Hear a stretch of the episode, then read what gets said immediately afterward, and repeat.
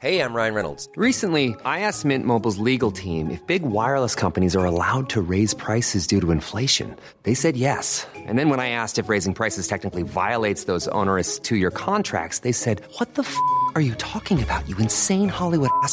So to recap, we're cutting the price of Mint Unlimited from $30 a month to just $15 a month. Give it a try at mintmobile.com slash switch. $45 upfront for three months plus taxes and fees. Promo for new customers for limited time. Unlimited more than 40 gigabytes per month. Slows. Full terms at mintmobile.com.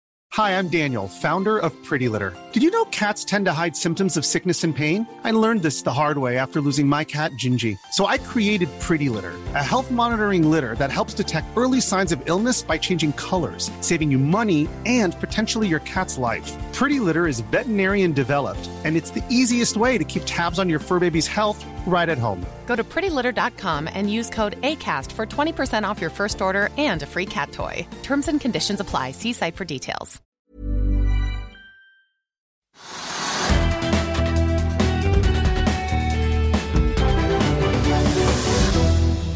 Velkommen til Økonominyhetene. Det er blitt eh, 15.9, og det er også tid for det som er et høydepunkt for mange, nemlig Pareto-konferansen. Vi skal høre mer om det straks. Men først skal vi ta en titt på aksjemarkedet. Hovedindeksen eh, er opp i dag etter seks dager med fall. Den var opp 0,6% på starten av dagen og er nå opp 0,3% Vi ser også at oljeprisen har eh, fått seg en liten opptur i dag. Nordsjøoljen er opp 1,1 til 74,80, mens den amerikanske lettoljen er opp litt mer, 1,3 til 71,70. Det er bl.a. ettervirkningen av orkanen Ida som holder igjen en del kapasitet i USA. Hvis vi ser på markedene i Europa, så skiller Oslo seg positivt ut. Det er jevnt over rødt på de europeiske børsene i dag, men futuresene på Wall Street viste oppgang der nå rett før åpning. På vinnerlisten finner vi selskaper som Aker Solutions, Kongsberg Automotive, Nordic Nanovektor, Equinor og igjen MPC Container. Aker Solutions stiger etter at selskapet var en av de som fikk kontrakter av Aker BP til den store Noaka-utbyggingen i Nordsjøen.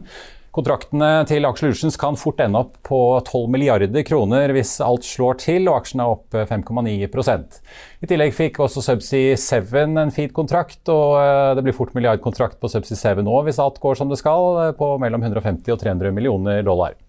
På taperlisten finner vi selskaper som Nell Hydrogen, Scatec Solar og Bonheur, som SEB for øvrig nedjusterte til en holdanbefaling, samtidig som de økte kursmålet litt fra 300 til 321 kroner. En annen taper i dag er Rex Silicon. Sparebank1 Markets tok opp igjen dekningen sin og har en salgsanbefaling på 13 kroner på Rex Silicon. Aksjen er den tredje mest omsatte på Oslo Børs i dag og faller 9% til 1480. Vi kan for øvrig nevne at aksjen som faller mest i dag, er Skitude, som kom med tall, og aksjen er ned rundt 10 vi skal til Pareto-konferansen, for en annen nyhet i dag kom nemlig fra det lille oljeselskapet Okea, som bl.a. Senterpartiets nestleder Ola Borten Moe står bak. De kom med et positivt resultatvarsel, og aksjen skjøt opp 5% men har klatret videre opp utover dagen og er nå opp rundt 7 etter at selskapet meldte om driftsinntekter i tredje kvartal på 1 milliard kroner, opp fra 321 millioner i fjor. Det er bra regularitet i produksjonen, høy gassproduksjon og ikke minst god timing av noen oljeløft som bidrar til de store inntektene i et marked med veldig høye olje- og gasspriser. På konferansen på Fornebu tidligere i dag traff vi tidligere oljeanalytiker og nå IR-direktør i Okea, Trond Omdal, og spurte hvor lenge selskapet tror denne oppturen kan vare. Ja, På gassprisene er jo lagene på rekordlave uh, nivå.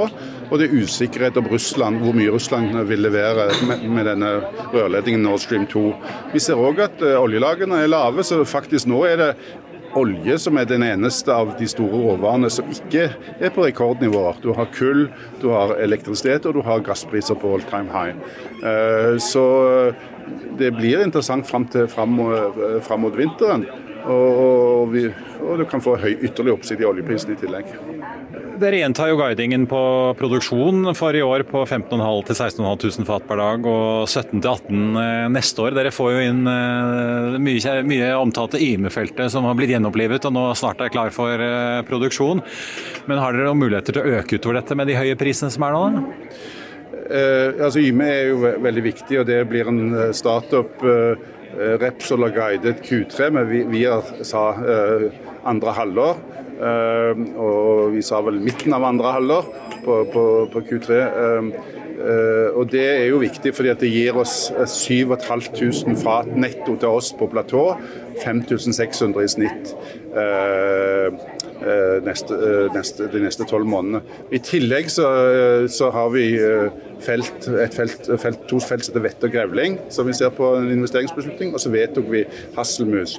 I tillegg er det klart når du har høye priser, så ser en òg på eh, på bl.a. økt oljeutvinningstiltak, der det, det, å få mer ut av Draugen-feltet eh, og selvfølgelig holde oppe regularitet er ekstremt viktig når, når olje, oljeprisene er så høye. Eh, apropos det, dere skal investere 600-700 millioner kroner i år. og Så har vi også fått servert et ferskt forslag til en oljeskatt, hvor man da innfører litt enkelt sagt en kontantstrømskatt som man får umiddelbare fradrag. Hva gjør det for dere? Gjør dere det mer interessant å investere på norsk sokkel, eller har dere liksom fått regnet på det?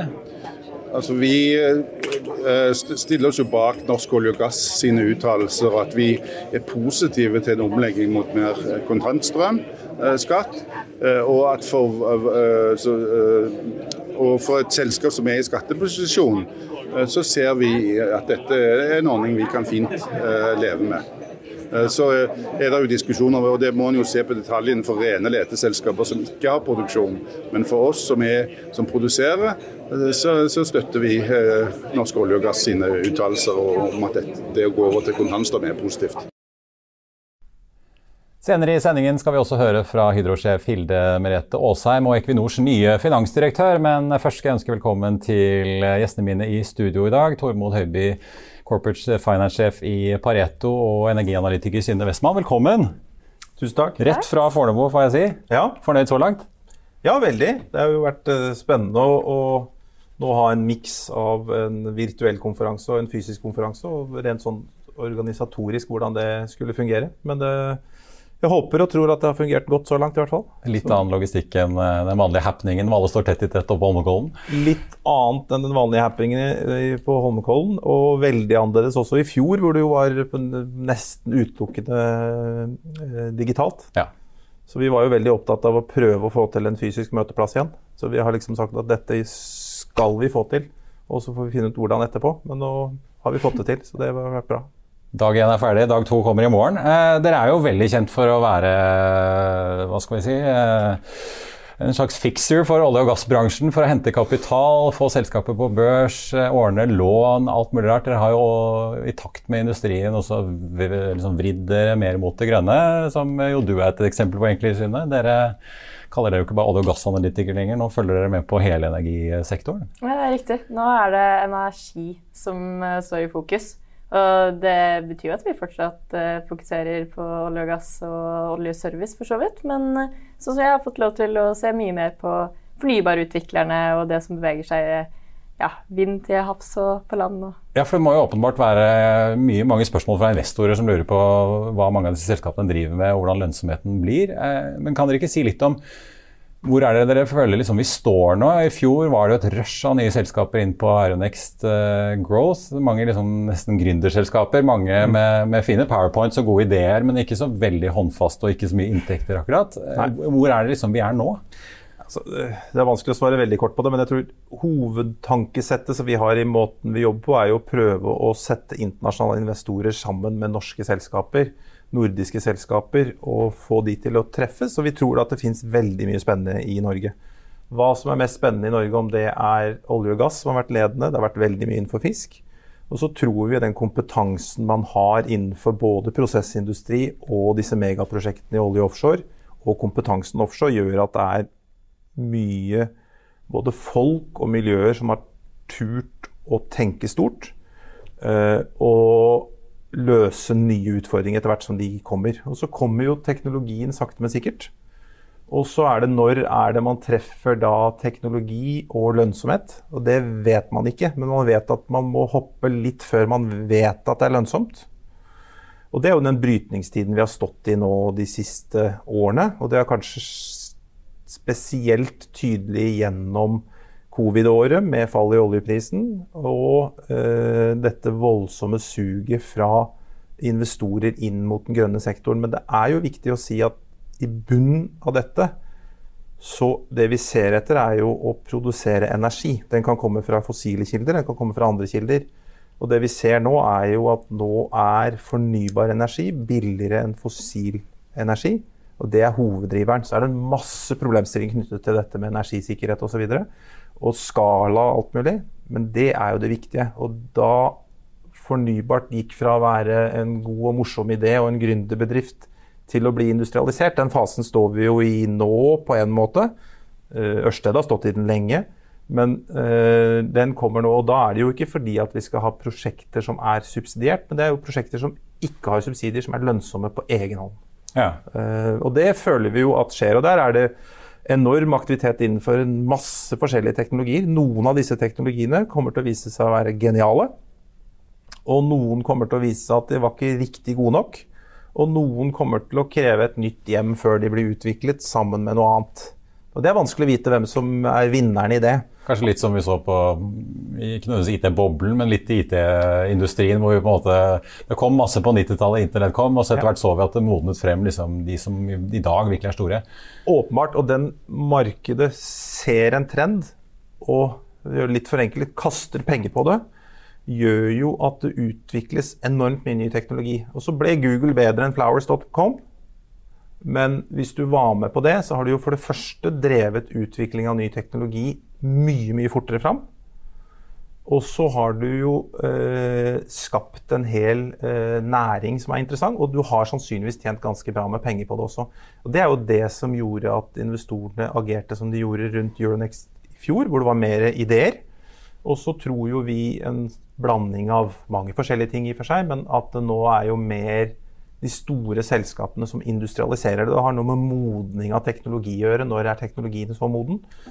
Og så har vi jo selvfølgelig en litt spesiell situasjon nå hvor energiprisene har også kommet ganske mye opp, som gjør fornybart enda mye mer lønnsomt. Ja, for det er jo skyhøye gasspriser, oljeprisen er høy, eh, aluminiumsprisen er jo den høyeste den har vært på 13 år. Eh, er, altså, er dette bare en sånn midlertidig sånn Klondyke-stemning på vei ut av pandemien, sin, eller hva tror du? Tror dere dette vedvarer lenge? Nå skal ikke jeg uttale meg for mye om råvarepriser, men eh, at eh, dette er eh, til dels forbigående, det tror vi jo. Og så får vi se hva som blir normalen. Nå er det, som sier, skyhøye gasspriser. Det er mange faktorer. Og slik strømprisene er nå også, det har jo en påvirkning på mange. Ja, Endrer det synet deres? Altså, vi har jo selskaper som eh, er eksponert mot strømpris på fornybar f.eks. For Gjør det dem mer attraktive når dere skal liksom regne på fremtidig inntjening, eller er det eh, det skal nok litt til før at vi drar opp eh, strømprisprognosene til de nivåene vi er på nå. Men selvsagt så vil jo dette være positivt for de som har produksjon på disse nivåene.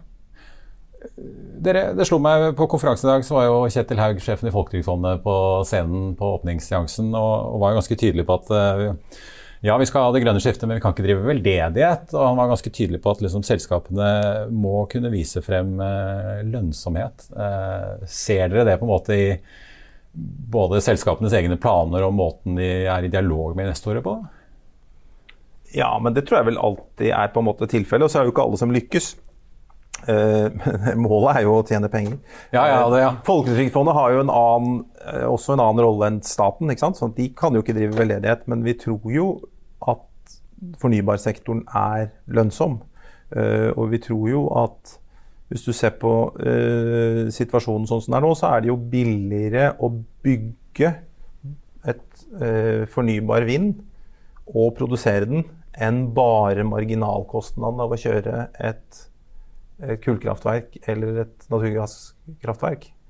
Og det er klart, Da vil de økonomiske tyngdeloven tvinge gjennom veldig mye vindmølleparker. Det er helt åpenbart. Men skalamessig, hvor fort du får bygget ut det samtidig som du får tilpasset resten av energiinfrastrukturen, er jo det brytningspunktet vi står i nå. og Dette I forhold til råvarepriser, så er det jo noen av disse råvareprisene som har noen spesielle faktorer. Så er det noe dette som du sier at du kommer ut av en pandemi, du har lave lagre, og så skal du bygge de opp. Men så er det også noen spesialting som kanskje kobber var noe av det første som stakk. Aluminium stakk. Og det er jo mye fordi at fornybar energikjeden krever mye mer av, eh, av de.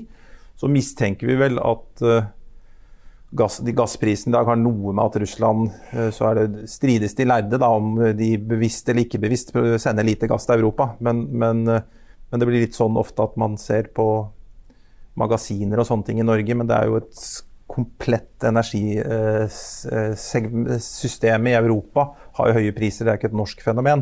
Og Det skyldes nok i hovedsakelig lite gass inn fra, fra Russland per nå.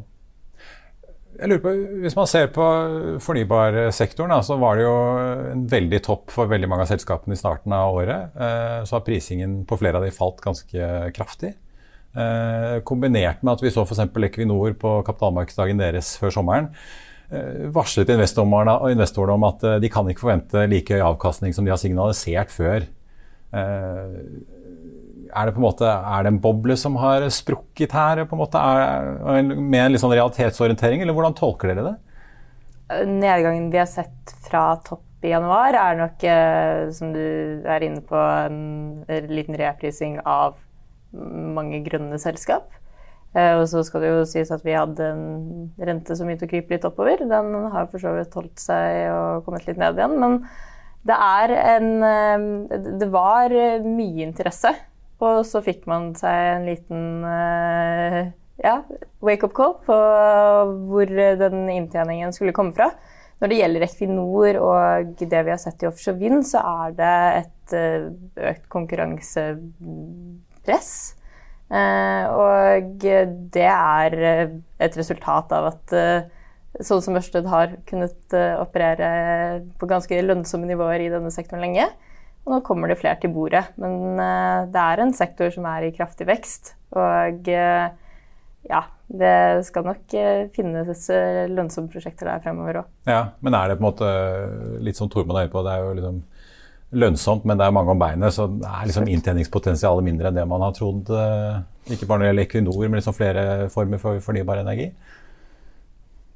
Om det er mindre enn det man hadde trodd, det er litt uh, vanskelig å si. For nå er det rett og slett at man beveger seg jo, som Tormund er inne på, fra en fase der det har vært uh, Ta offshore vind igjen, da. Det var jo en nisje. Og nå har det blitt en mye mer mainstream asset. Det er blitt uh, for all del har vært kommersialisert lenge, men og når man beveger seg nedover den modenhetsskalaen, så vil du se andre eh, avkastningsnivåer enn man gjorde i starten. Ja. Hva tror dere, liksom, Hvis dere ser på disse forskjellige sektorene Innenfor alt det grønne så har vi alt fra sånn karbonfangst, vi har fornybar energi, vi har eh, ammoniakk i grønn eller blå form. Det, liksom, det, er veldig mange ulike prosjekter som lanseres nå. Mm. Er det noen av de som utpeker seg som liksom, det som kan gå virkelig bra? Eller som investoren har preferanse for? Altså, Nei, altså, det er jo mange som er åpenbart investoren har preferanse for. og Det, det som er mest modent, er jo eh, vind og sol. Uh, og sol er jo et mer globalt fenomen, og det er vanskelig for Norge å være verdensledende på sol som sådan. Men vi har jo hatt mange som har fått til ting på sol i Norge også. Uh, og så har du for vind, som har begynt å bli mer modent, og hvor kostnadene tross alt har kommet veldig kraftig ned. Mm. Uh, og uh, at uh, Statoil må nedjustere sin Eller Equinor, da. Det er vanskelig å venne seg til det etter å ha fulgt i 25 år. Men de, eh, de, de, at avkastningskravet kommer ned. Det er klart Hvis du bytter fra olje som man er usikker på hvor lenge oljenærindustrien varer, og man har ganske store sving i råvareprisene over tid, at avkastningskravet er lavere på en vindmølle eksempel, som skal stå der ute i 25 år og floppe rundt og få, få strøm, til og med noe av det på, på, på, på, faste priser, så det er klart det gir et mye lavere avkastningskrav. Men det betyr jo ikke nødvendigvis at det er mindre lønnsomt. Det er veldig lavt avkastningskrav i eiendomssektoren nå. Det har vist seg å være mhm. ok å være i den næringen også. så man må skille litt på det. Og så har vi jo batteri som er spennende. Det er jo mange nå som har tatt ordentlig sats og prøver seg på batteri. Eh, jeg har hatt en elbil i syv år, og den batteripakka kostet 500 000 da jeg kjøpte bilen, og nå får du den samme for 100 000. Og hvis det går syv år til, og den da fortsetter å falle nedover, så blir jo batteri en veldig viktig bit i det. Men det som jeg tror er fellesnevneren for det som kommer inn i Norge, er jo at vi er gode på prosessindustri fra tilbake igjen fra uh, Hydro for 1905. Så er vi veldig gode på offshorekompetanse. Så er vi gode på megaprosjekter. Og så har vi veldig mye fornybar kraft. Så det er jo miksen av de, eh, kanskje de tingene hvor Norge gjør det aller best. da. Og bare litt også tilbake igjen til Jeg har vært analytiker selv i mange år, så du kan jo lage en kursgraf på litt som du vil. Så hvis du tar den fra peak i januar, etter at folk hadde tjent enormt mye penger, til nå, så har kursen falt mye. Hvis du ser hvor den har vært for grønne selskaper fra konferansen vår i fjor, så er den tross alt opp 18% Hvis du ser i forhold til før covid, så er jo de grønne selskapene fortsatt opp 60% Så det er jo det er bedre enn SNP, det er bedre enn oljeselskapene, som jo faktisk har falt da i det litt lengre bildet. Så, men, men, eh, det svinger opp og ned, så det er litt med hvor lange tidsperioder du på en måte ser det over. Da. Ja, i hvert fall på Skatt Solar så kan man jo få seg en sånn graf avhengig av om man har startpunkt i januar eller i fjor. Det kan du velge utgangspunktet selv, ja. Så, men, men, du ser jo at investorene er, og det tror jeg det er et fenomen, jeg tror du ser det i retail-næringen og du ser det på investornæringen investorene, forbrukerne, øh, ønsker jo å drive dette fram. Og ønsker jo ikke å tape penger, det er ikke det jeg mener. De hiver ikke penger ut av vinduet. Det er ikke subsidier, men, men alle ønsker å kanalisere pengene til å gjøre dette på en best mulig måte. Og så har vi ikke helt svaret på hvordan det er, men hvis vi prøver skikkelig, så blir vi mye flinkere, i hvert fall. Men jeg hadde sjefen i Aker Carbon Capture her forrige uke. og Hvis du ser på utviklingen i Aker-selskapene De grønne, så er jo Carbon Capture, altså karbonfangst, det er jo liksom den åpenbare vinneren i systemet der. Mm. I markedet. Kursutviklingen har vært mye bedre enn de andre. Eh, ser dere noen sånne preferanser hos investorene for hva slags type av disse ESG-aksjene som, som, de liksom velger?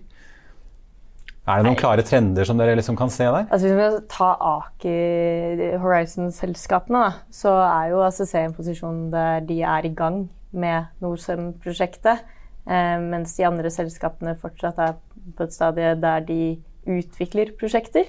Ja, så er det at Inntektene ligger mye nærmere i tid, som på en måte gir litt appell. Og så har vi jo ja. sett at karbonprisen har doblet seg. Vi har fått en rapport fra EU som legger eh, opp til et mye strammere karbonpris eller karbonmarked. Vi fikk eh, klimapanelets rapport som sa at nå har vi utrolig dårlig tid hvis vi skal få til noe som helst. Så det har jo vært en del drivere som åpenbart er positive for eh, teknologier som karbonfangst, og da er ACC en veldig spennende posisjon. Ja, Men er det, hvis du ser utenfor Aker-systemet, da er det liksom noen klare trender for hva investorene faktisk liksom foretrekker, eller er det veldig selskapsavhengig? Det er nok eh, mye selskap, og så er det jo eh, for så vidt eh, ja, som Tormod er inne på, det er tidsserien du ser på her. Det har vært en voldsom vekst i mange sektorer og mange aksjer. Og så har man fått ja, en liten korreksjon kanskje i første halvdel av dette året, men det, ingen vet hvor vi står ved årsslutt. Nei. Dere har jo sagt at vi kan, vi kan, vente oss Jeg skjønner dere ikke kan røpe hva som kommer, men eh, dere har jo eh, i Pareto sagt at vi kan vente oss liksom større transaksjoner fremover. Eh, gjerne litt mer modne aktører som kommer inn. Mm. Hydro sitt fornybarselskap Rein er vel en sånn åpenbar kandidat som skal på børs om ikke så altfor lenge.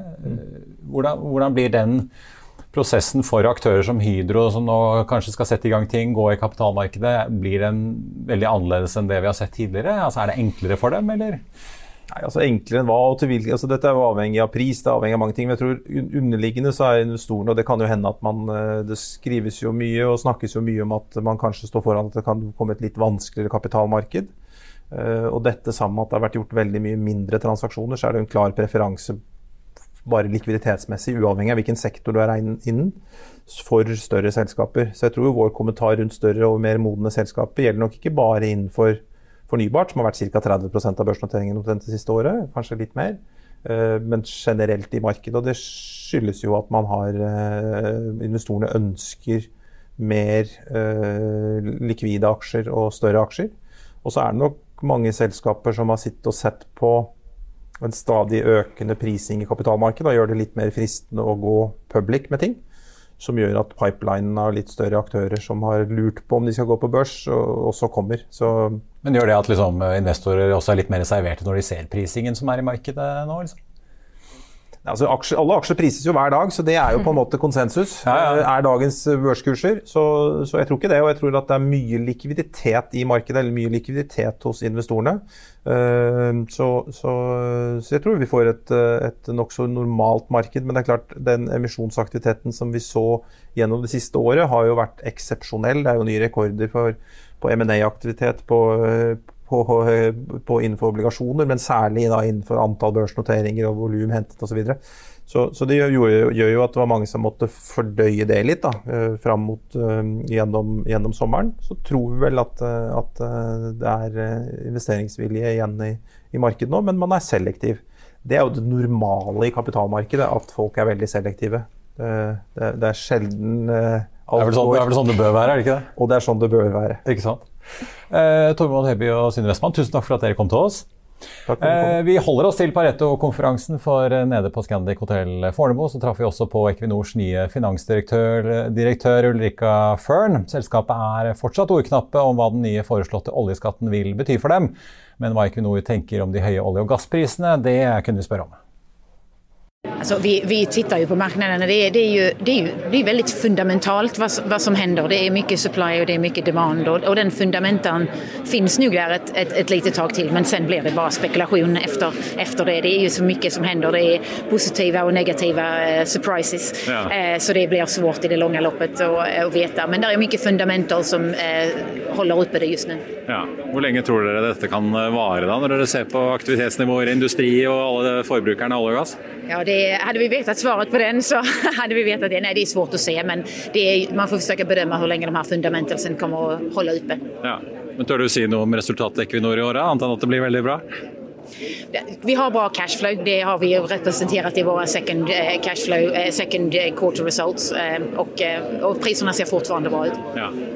Til slutt vil jeg spørre deg litt om fornybar. Dere har jo en egen stor satsing på fornybar. Dere er også aksjonær i eh, Scatec Solar. Eh, fornybarsektoren har jo falt veldig mye i aksjemarkedet siden nyttår.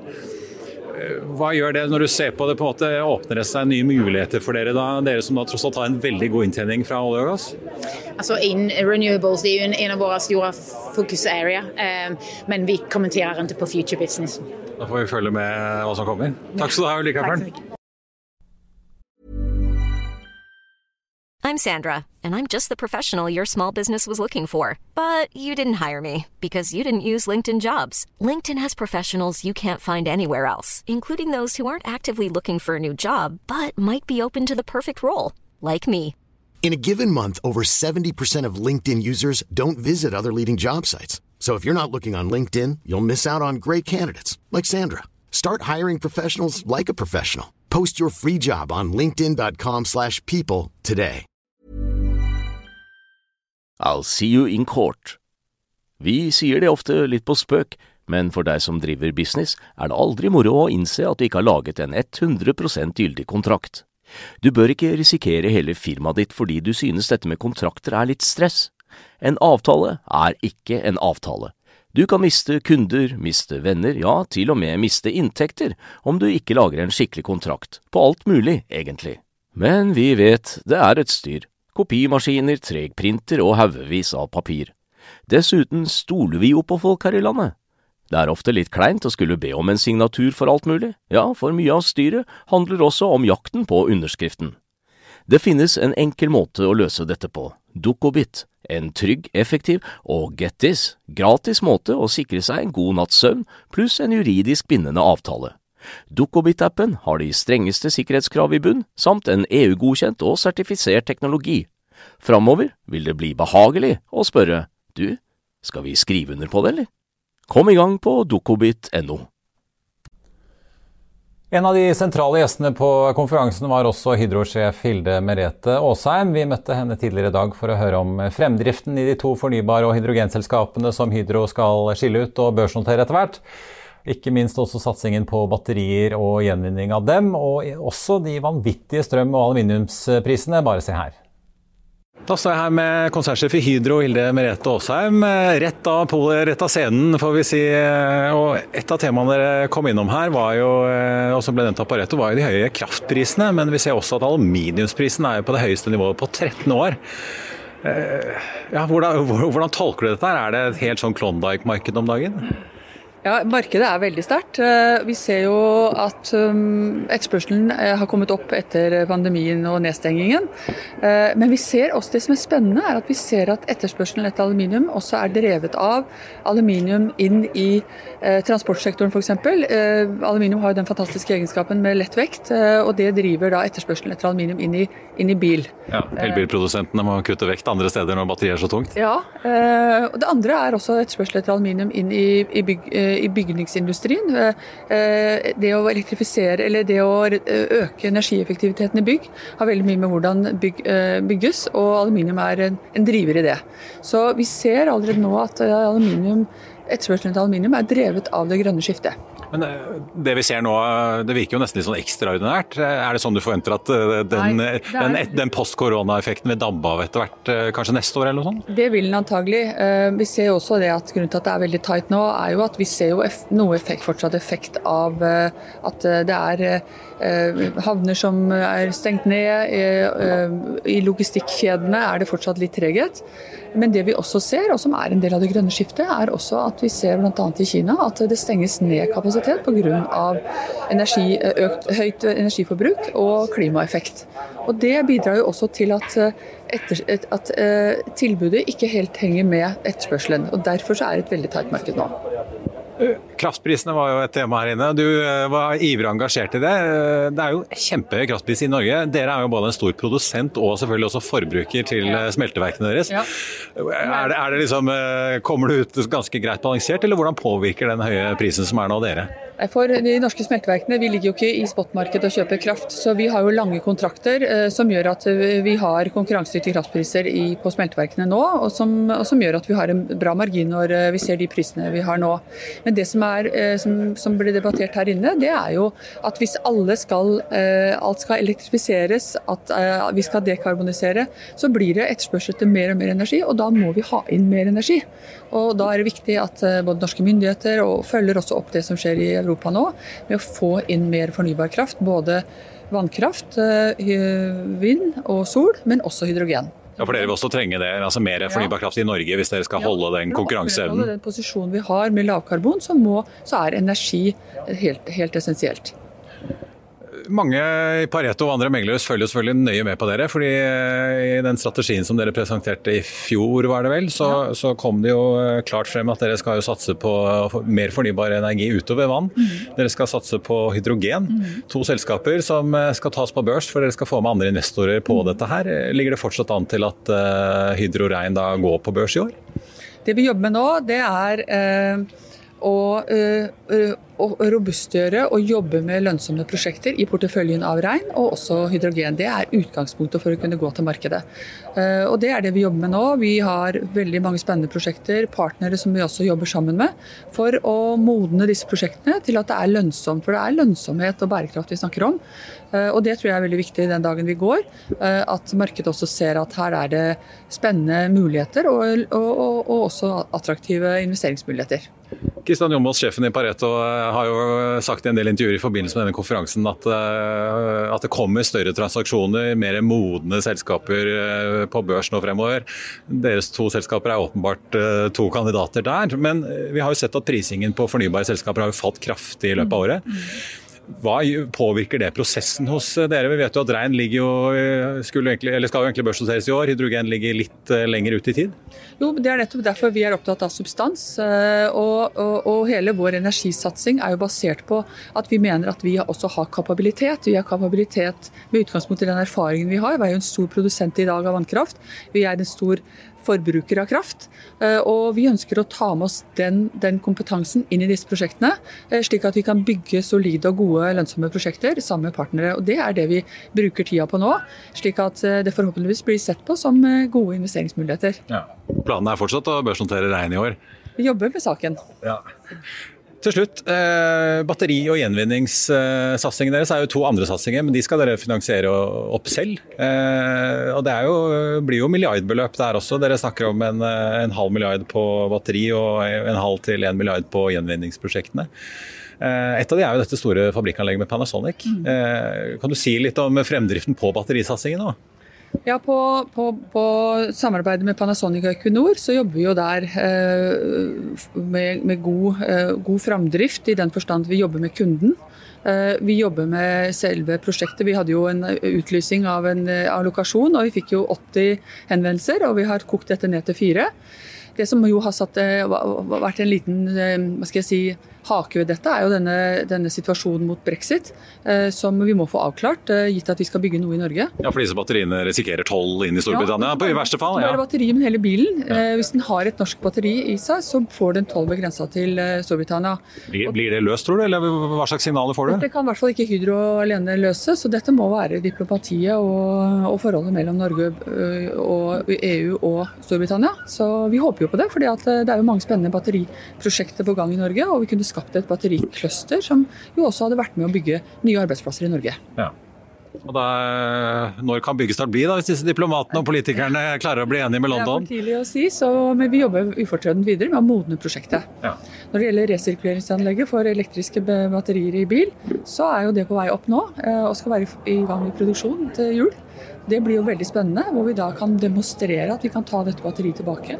Ta ut disse materialene som er kobolt og magnesium og, og, og, og disse sjeldne jordartene, eh, som da går tilbake til celleproduksjon, og vi tar ut aluminium fra batterikassa. Og Der har du en forretningsmodell allerede i dag. altså Dette lønner seg for dere? Ja, det er veldig spennende. og Det som er, det, det er jo et relativt lite anlegg, selv om det er, jo, det er, jo, en veldig fin lokasjon i Norge når vi har så mange elektriske biler.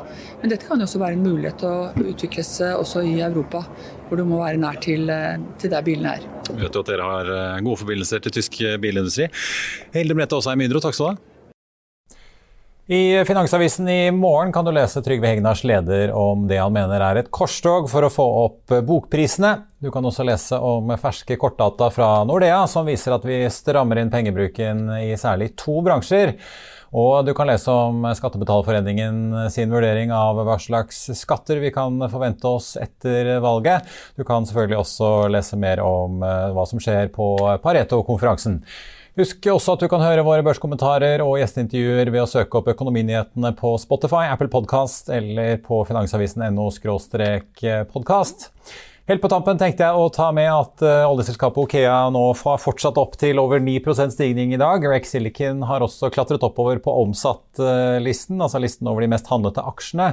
Men uh, fallet i aksjen øker også, og den er ned nå over 10 i tillegg er spill- og teknologiselskapet Kahoot opp 5,6% til 68,4 68 kroner og 40 øre. Og dermed har selskapets aksje også nesten hentet inn fallet vi så tidligere denne uken. Hovedindeksen klatrer oppover også på ettermiddagen i en liten sluttspurt og er nå opp 0,8% Det var det vi hadde i dag, men vi er tilbake i morgen klokken 15.30. Takk for at du så på, og så håper jeg vi ses igjen da.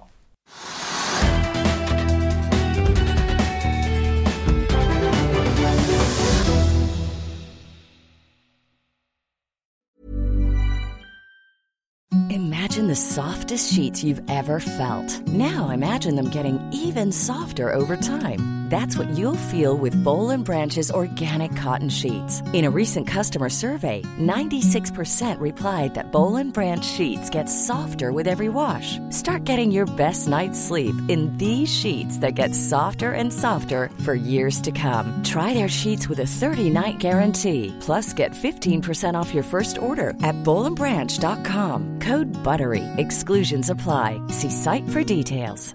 Hi, I'm Daniel, founder of Pretty Litter. Did you know cats tend to hide symptoms of sickness and pain? I learned this the hard way after losing my cat, Gingy. So I created Pretty Litter, a health monitoring litter that helps detect early signs of illness by changing colors, saving you money and potentially your cat's life. Pretty Litter is veterinarian developed, and it's the easiest way to keep tabs on your fur baby's health right at home. Go to prettylitter.com and use code ACAST for 20% off your first order and a free cat toy. Terms and conditions apply. See site for details. Planning for your next trip?